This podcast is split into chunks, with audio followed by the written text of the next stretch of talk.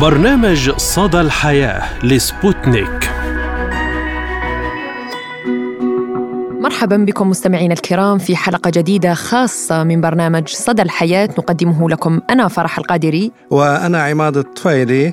اليوم سنختم معكم السلسلة الأولى لبرنامج صدى الحياة لعام 2022 لنستقبل عام 2023 بصدى حياة جديد وقضايا مجتمعية جديدة تهمكم. عام 2022 كان عاما مليئا بالأحداث التي هزت الرأي العام العالمي وأيضا الشارع العربي وصدى الحياة كان مواكبا لكل حدث وقضية.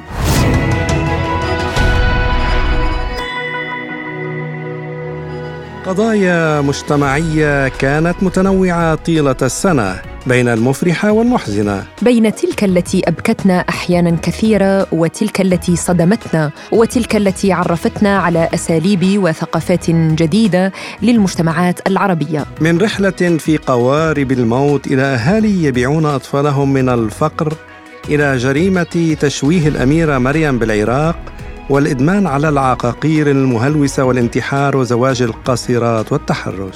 يا نتاتني المجددني وخلت لي قلبه معبي وأنا حامل وشوف وين زاري خليت لمي ما تبكي يا خليت لمي ما تبكي. يا شباب تركوا كل شيء خلفهم بحثا عن فرص لحياة أفضل وواقع أجمل.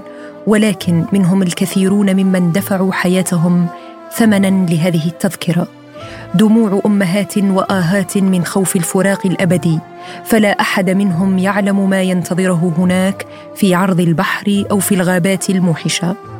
الهجرة غير الشرعية أو كما تعرف بالحرقة. أمل يتمسك به الآلاف من الشباب الذين ضاقت بهم سبل العيش في أوطانهم وقرروا المجازفة بحياتهم فقط من أجل الوصول إلى أوروبا. سنتحدث مستمعينا الكرام اليوم في برنامج صدى الحياة عن المخاطر التي يواجهها المهاجرون بطريقة غير شرعية وعن دور الدول في التصدي لهذه الظاهرة. حول تداعيات الهجرة غير الشرعية على علاقات البلدان وعن أسباب إصرار الشباب العربي على الهجرة بالرغم من كل المخاطر تحدث الخبير بالعلاقات الدولية الدكتور أيمن سمير لصدى الحياة اولا تحياتي لحضرتك ولكل السادة المستمعين. آه، بالتأكيد هناك يعني أسباب كثيرة. ظاهرة الهجرة هي ظاهرة إنسانية بدأت مع آه، ظهور الإنسان نفسه على الأرض والانتقال من مكان إلى مكان ودائما كان من ينتقل من مكان الاسوء إلى المكان الأفضل. لكن في منطقتنا العربية أنا في تقدير هناك جملة من الأسباب. آه، ربما كانت الهجرة موجودة في السابق وبنسب قليلة لكنها ظهرت بهذا الوضوح مع الغزو الأمريكي للعراق وأفغانستان.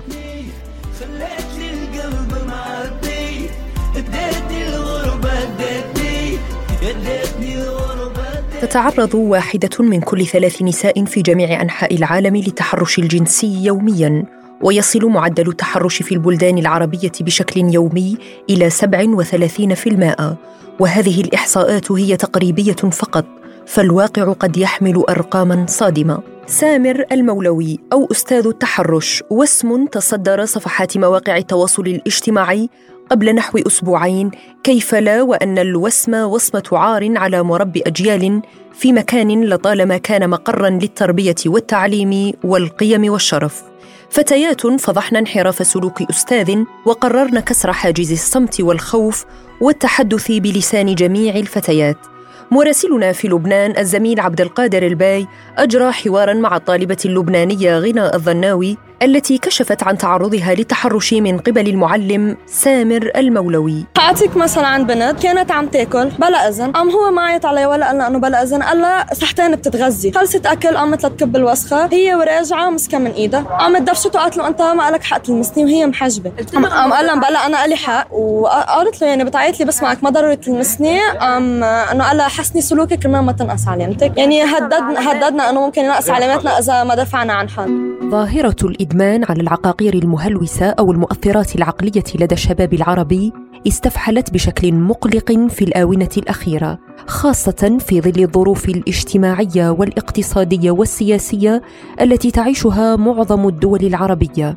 حبوب لا يقتصر استعمالها على الرجال فقط بل حتى النساء أصبحن يتعاطينها هروبا من واقع فرض عليهم ولا حل أمامهم غير حبوب السعادة المزيفة والمؤقتة. الأدوية المهلوسة هي مجموعة واسعة من المركبات الكيميائية التي تحدث لمتعاطيها اضطرابا في الإدراك يتمثل بالإحساس بأشياء لا وجود لها في الواقع وهذا ما جعلها من أكثر أنواع الأدوية إثارة للفضول وأكثرها مراقبة وحظرا حول العالم. للحديث أكثر عن هذا الموضوع برنامج صدى الحياة تواصل مع الطبيب الدكتور مازن شاهين أخصائي أمراض القلب والشرايين. وقال لنا أول شيء برحب بجميع المستمعين. جوابا على سؤالك المهلوسات في عدة أنواع في منا لتسكين الوجع بنسميهم opiates وفي منا لعلاج داء الصرع. بنسميهم neuroleptics وفي منا لعلاج داء الباركنسون مثل ال gabapentin وال levodopa أسامي العقاقير وما هي الأدوية المهلوسة. مثل أدوية مسكنات الألم مثل Percocet الكوديين Tramal. ذكرنا الليفيدوبا هول الأدوية ببلش المريض يتعود عليهم بعد العملية الجراحية أو لحالات عصبية معينة بصير في نوع من الاتكال أو الإدمان على الأدوية المهلوسة تحت ذريعة غسل العار والشرف وعن أي شرف يتحدثون إن كانت جريمة تزويج القاصرات في حد ذاتها عارا على الأهل والإنسانية. يبرر الأهالي قيامهم بتزويج فتياتهم في سن مبكرة. قمر الفتاة التي قتلت على يد أبيها في تركيا قبل أشهر وهي بعمر الثالثة عشر عاما فقط لأنها رفضت الزواج. فتاة الحسكة التي قتلت على يد ذويها قبل أشهر كذلك لأنها رفضت هي الأخرى الزواج بابن عمها وهي بعمر السادسة عشر عاماً. ومؤخراً آية الرفاعي التي قتلت على يد زوجها وأهله ليلة رأس السنة وكانت قد تزوجت وهي قاصراً. وغيرهن الكثيرات من الفتيات اللاتي رحن ضحية الزواج المبكر وسلطة العادات والتقاليد. جدل انقسمت فيه الآراء حيال الحد الفاصل بين الديني والقانوني والاجتماعي نتيجة للتفسير الديني المغلوط الذي يؤسس لهذه الظاهرة ويظلم الفتاة ظلما شديدا ويحولها من إنسان من الممكن أن ينتج ويتعلم ويربي جيلا واعدا إلى إنسان شبه محطم نفسيا. فترى أين الخلل؟ هل هو لدى الآباء الذين يزوجون فتياتهم ويبيعونهم أم في الرجل الذي يقبل الزواج بفتاة صغيرة بعمر حفيداته حتى؟ هؤلاء الفتيات قدموا حياتهم ممكن أنا أكون ملهمة لكم لكن هم قدموا حياتهم عشان يثبتوا للعالم أنهم ليسوا الوحيدون أن هناك مئات الفتيات الذين يعانون ويموتون يوميا بسبب الظلم والعنف. نستذكر صرخة الطفلة اليمنية ندى الأهدل قبل سنوات طويلة حين فرت هاربة من أهلها الذين أرادوا إرغامها على الزواج وهي قاصرا بعمر الحادية عشر عاما. أنا ب... أنا صح أنني هربت من أهلي صح. أنا ما عاد أشتيش عندهم. خلاص أنا أشتي عند أعيش عند عمي. إيش براءة الطفولة؟ إيش ذنب الأطفال من تتزوجوهم كذا؟ يعني مثلا أنا نحن أنا بحل مشكلتي صح؟ بس بعض الأطفال براءتهم ما يحلوش مشكلتهم. يمكن يموتوا يمكن ينتحروا يمكن يفعلوا اللي براس وكمان أمي تشتد بلغت علينا الشرطة. أنا عمري 11 سنة وتشتد تزوجني. يعني يعني ما فيش حياة ما فيش تعليم ما فيش قوة ما فيش بين قلبهم رحمة. حروق من الدرجة الثالثة وتشوهات خطيرة. رفضها لشاب تقدم لخطبتها جعله ينتقم منها بطريقة تقشعر لها الأبدان. مستخدما في جريمته النكراء مادة التيزاب. التي شوه بها وجهها وجسدها وحرمها من عيش حياتها طبيعيا كما كانت تحلم. بعد أشهر طويلة من المعاناة والألم تعود قضية الطالبه العراقيه مريم الركابي التي تدرس بمعهد الفنون الجميلة والتي تعرضت للاعتداء من شخص ملثم حيث قام بتشويه وجهها وجسمها بمادة التيزاب إلى واجهة اهتمام الرأي العام العربي مجددا عبر برنامج مع رفيف الحافظ. ب 12 إلا ربع خابرني إبني. قال لي ماما مريم ما أدري واحد طاب علينا وهي نايمة إحنا ينامون للأربعة يقعدون. دوام ماكو إبني استوى متزوج قال ماما ما أدري مريم عطت وتقول واحد دب علي مادة تحرقني ورحت شفتها مادة تيزاب ما أعرف إبني يعرف يعني مبينة تيزاب. استمعنا إلى جزء من تصريح والدة مريم عبر برنامج مع رفيف الحافظ. بدموع ونغمات تحمل اسم مريم استقبلها زملاؤها بالمعهد تعبيرا على وقوفهم إلى جانبها ودعمهم لقضيتها. وأيضا مستمعينا الكرام تحدثنا عن الاغتصاب وزرع ثقافة المثلية الجنسية وجرائم القتل والإيهام بالسحر والشعوذة وكيف ودع العالم الملكه إليزابيث الثانية وأبرز حدث طبع في نفوس كل العرب هو مقتل الصحفية الشهيدة شيرين أبو عاقلة. وأيضا الكثير من القضايا التي تتطلب تسليط الضوء عليها عل الرسالة الإعلامية تساهم ولو بالقليل في التنوير ونشر نشر الوعي في المجتمع. حكايات غريبة وعجيبة يرويها دجالون ومدعون بأنهم معالجون روحانيون. وشعب يصدق الأكاذيب ويجري وراء اصطياد الأوهام أحيانا كثيرة بأغلى ثمن. نساء تم استغلالهن جنسيا تحت مسمى العلاج الروحي وإخراج الجن والعفاريت وعقول تتقبل هذه الخزعبلات والدجل. نتحدث اليوم مستمعينا الكرام في حلقة برنامج صدى الحياة عن لجوء المجتمعات العربية للسحرة والمشعوذين لحل مشاكلهم الاجتماعية والاقتصادية والنفسية وأين دور القانون في معاقبة هؤلاء المجرمين؟ المتاجرين بالدين وبالبشر في الحد من هذه الظواهر الكارثية التي لا تعود على المجتمعات سوى بالضرر والعودة إلى الوراء. شنو تمشي المشعوذ إيش يعمل لك انت سامحني المشعوذ؟ شنو باش يعمل؟ باش ياخذ لك فلوسك يكذب عليك ويشرك بالله ويعملهم الكل زعما بالقرآن. فمشي برشا توانسة فهمتي؟ نقول ماجوريتي يعني نقول 30 40% توانسة. يصطادوا في الأوهام. عايشين على الأوهام في باله فهمتي؟ باش يمشي المشعوذ هو المشعوذ ذاك باش ياخذ له حاجته. وهذا يفسروه فهمتي؟ البعد على العقيدة البعد على ربي سبحانه وتعالى. تعالى فهمت بعدما كانت موسيقى ديزني تحلق بنا إلى عالم الأحلام والخيال أين نلتقي بميكي ماوس والقصور الملكية والأميرات الثلاث؟ وتضيء أمامنا مصباح علاء الدين السحري لنحلق معه عبر بساطه السحري إلى الهند والصحاري. أصبحت الآن تهدد الأطفال والنشأ الجديد عبر رسائل شاذة كونها تعزز الميول الجنسية المخالفة للفطرة والتي تعرف بالمثلية.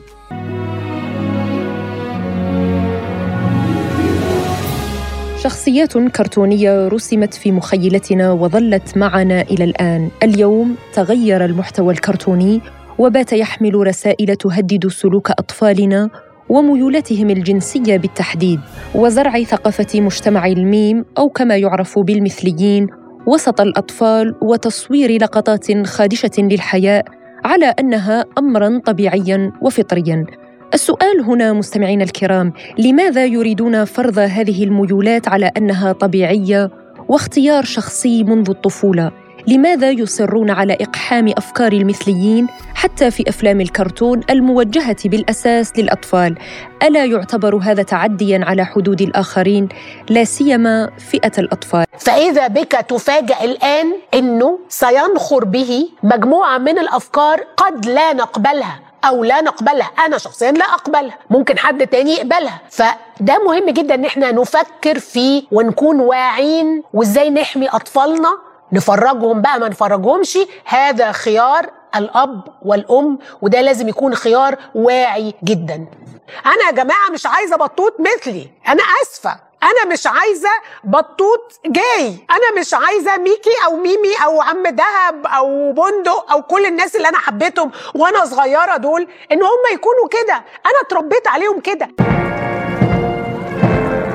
ودعت بريطانيا الأسبوع الماضي وبالتحديد في الثامن من أيلول سبتمبر الجاري ملكة العرش إليزابيث الثانية عن عمر ناهز الست وتسعون عاماً واستمرت أيام الوداع والحداد عشرة أيام حتى موعد الدفن يوم الاثنين التاسع عشر من سبتمبر الجاري. ملكة حكمت شعبها وبلادها سبعين عاما منذ أن كان عمرها خمس وعشرين سنة والتي كانت أطول مدة في تاريخ بريطانيا وأطول ثاني فترة في تاريخ البشرية بالنسبة للحكم. وودعته بعمر الست وتسعين عاما تاركة وراءها إرثا ومسيرة طويلة من الحكم حضرتها أجيال. ولدت الملكة إليزابيث الثانية في الواحد والعشرين من شهر أبريل نيسان عام 1926 وتلقت تعليمها الدراسي في المنزل من قبل مدرسين خاصين في التاريخ الدستوري والقانون واللغة الفرنسية.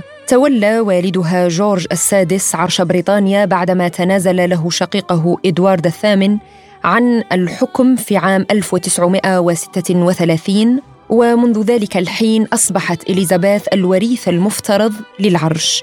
تسلمت الحكم في السادس من فبراير عام 1952 عن عمر 25 عاما واحتلت المركز الثاني من بين الملوك الأطول حكما في تاريخ البشرية وهي صاحبة أطول فترة حكم على الإطلاق في بريطانيا وهي سبعون عاماً.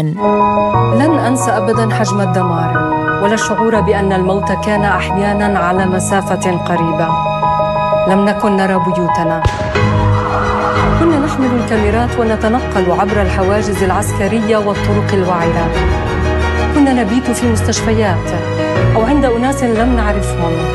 ورغم الخطر كنا نصر على مواصلة العمل. لطالما ظل هذا الصوت الفلسطيني ينقل لنا عبر قناة الجزيرة طيلة 25 عاما الأحداث والوقائع والجرائم التي ترتكب في حق الفلسطينيين بكل جرأة وشجاعة. اليوم نودع بحزن وألم الشهيدة الصحفية شيرين أبو عاقلة التي قتلت برصاصة الجيش الإسرائيلي في الرأس أثناء تأديتها مهنتها في تغطية أحداث اقتحام مخيمات جنين. نتحدث اليوم مستمعينا الكرام بكل حزن في حلقة برنامج صدى الحياة عن خبر مقتل الصحفية شيرين أبو عاقلة ونسلط الضوء على استمرار الاعتداءات الإسرائيلية بحق الفلسطينيين والصحفيين وإلى متى يستمر كذلك الصمت العربي والدولي تجاه ما يحدث؟ ألم يحن الأوان لإيقاف هذا الاحتلال واسترجاع الحق الفلسطيني؟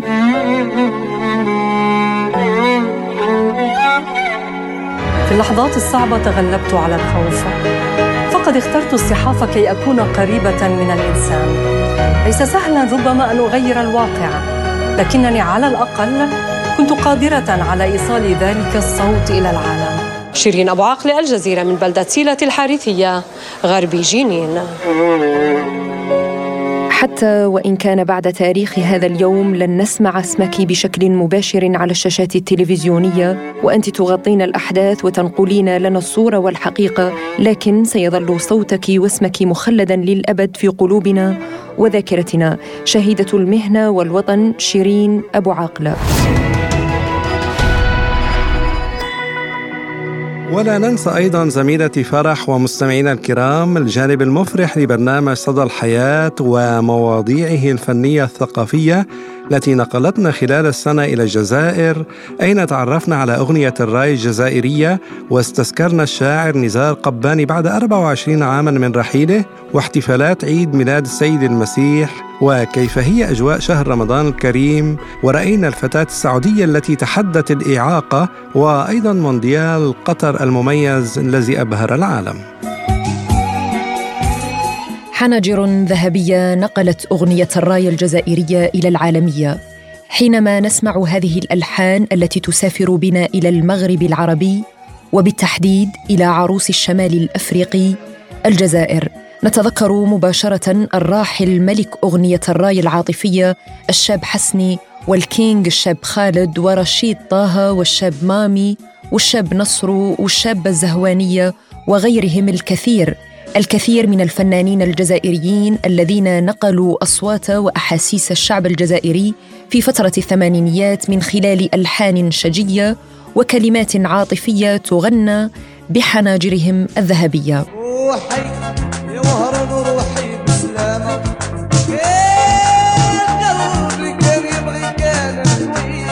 حسني شقرون ابن وهران الباهية. ملك أغنية الرأي العاطفية وصاحب الحنجرة الذهبية الشاب حسني الذي عالج قضايا مجتمعه في أغانيه ولحن أحزان الناس وكتب أوجاعهم.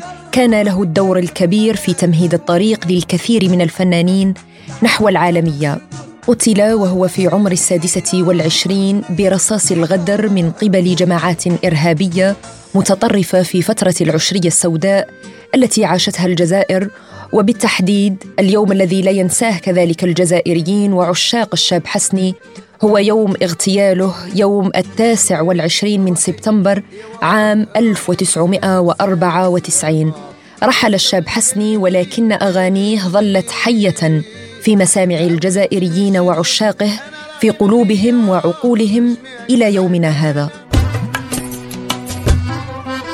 الشاب خالد والشاب مامي ورشيد طه والشاب نصر وفضيل والشاب أنور وغيرهم من قامات فن الراي الجزائري كتبوا بحناجرهم سطورا ظلت مخلدة في تراث الفن الجزائري إلى يومنا هذا.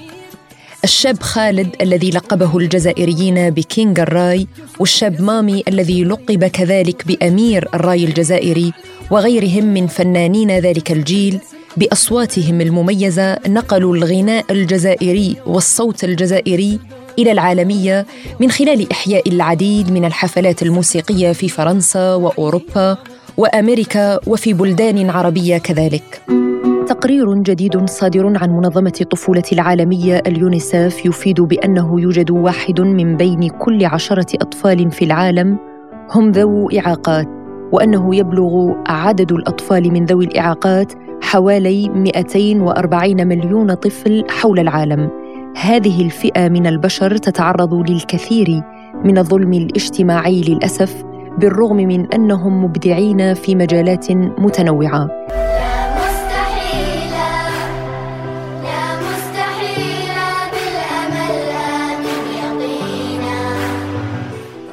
الكاتبة السعودية عالية الشامان بدأت قصة إبداعها ونجاحها في عالم كتابة القصص القصيرة وإخراج الفيديوهات القصيرة الكرتونية وتحدت حواجز الإعاقة وكسرتها بإبداعها في مجال الكتابة. نتابع هذا التقرير. ذكية وعبقرية وموهوبة الكاتبة السعودية عالية الشامان. تحدت إعاقتها ولم تجعلها حاجزا أمام رغبتها وموهبتها. ألفت كتبا قصصية وتخصصت في كتابة السيناريوهات. أميرة الخيال القلم عشاق العدالة هي كتب مطبوعة لهذه الكاتبة الموهوبة. كتبت سيناريو فيلم كرتون بعنوان نظرة تفاؤل حيث لاقى استحسان الكثير من حيث عمق الفكرة وبساطة العرض. ومناسبته لكافة شرائح المجتمع. عملت فيديوهات بفلتر كرتوني وتطمح أن تعرض أفكارها بهذا الأسلوب. بفضل الله تتحقق الآمال التأمل في صنع الله التسامح وإسلام. هي هذه الفيديوهات التي قامت بها هذه العبقرية.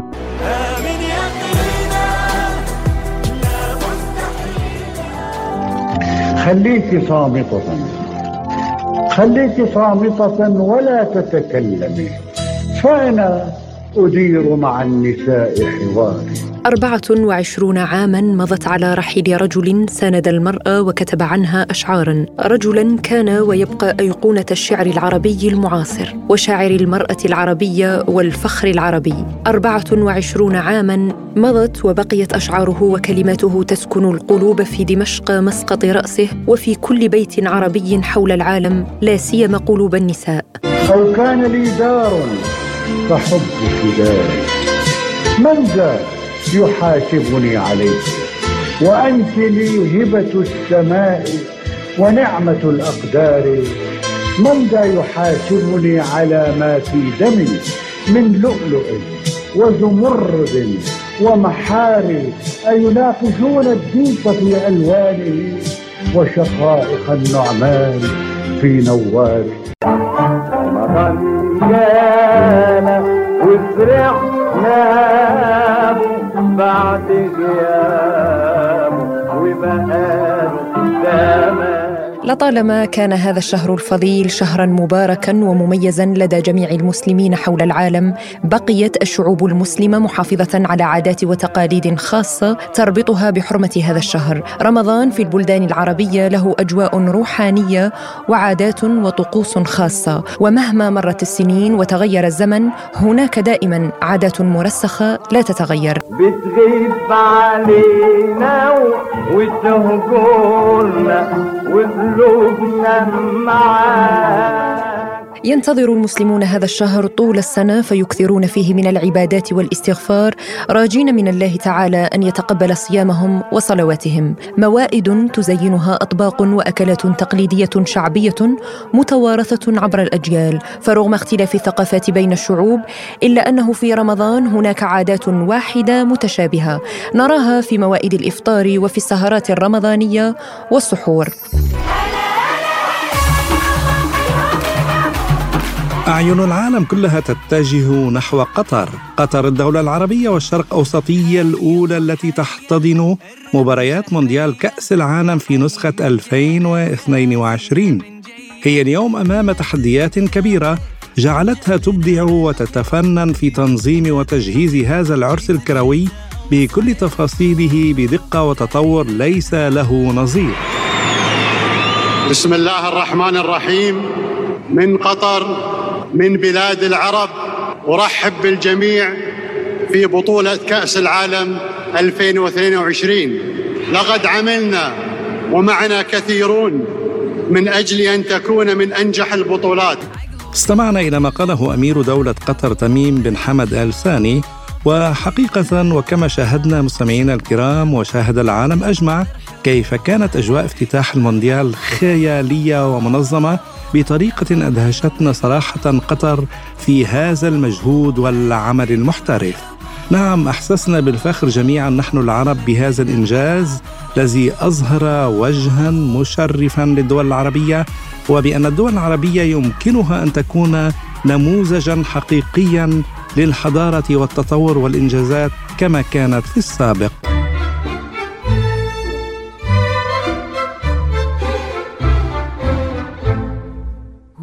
ولد المسيح هللويا.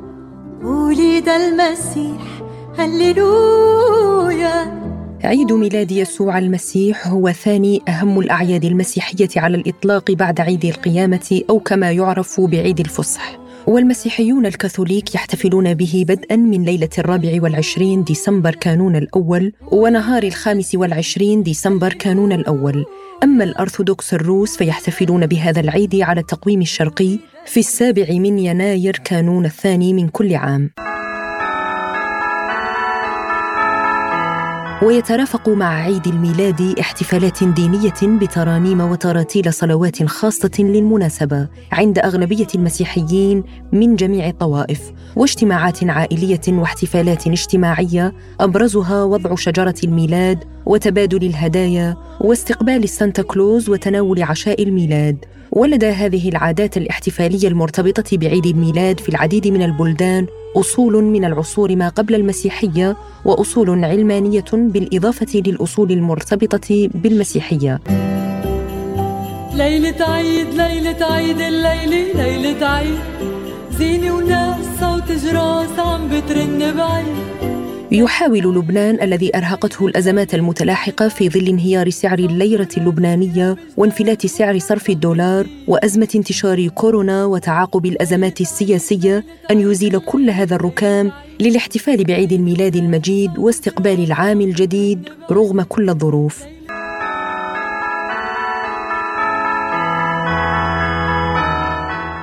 وفي مدينة بيت لحم مدينة السلام أين ولد السيد المسيح عليه السلام. الاحتفال بعيد الميلاد يتميز بطابع خاص.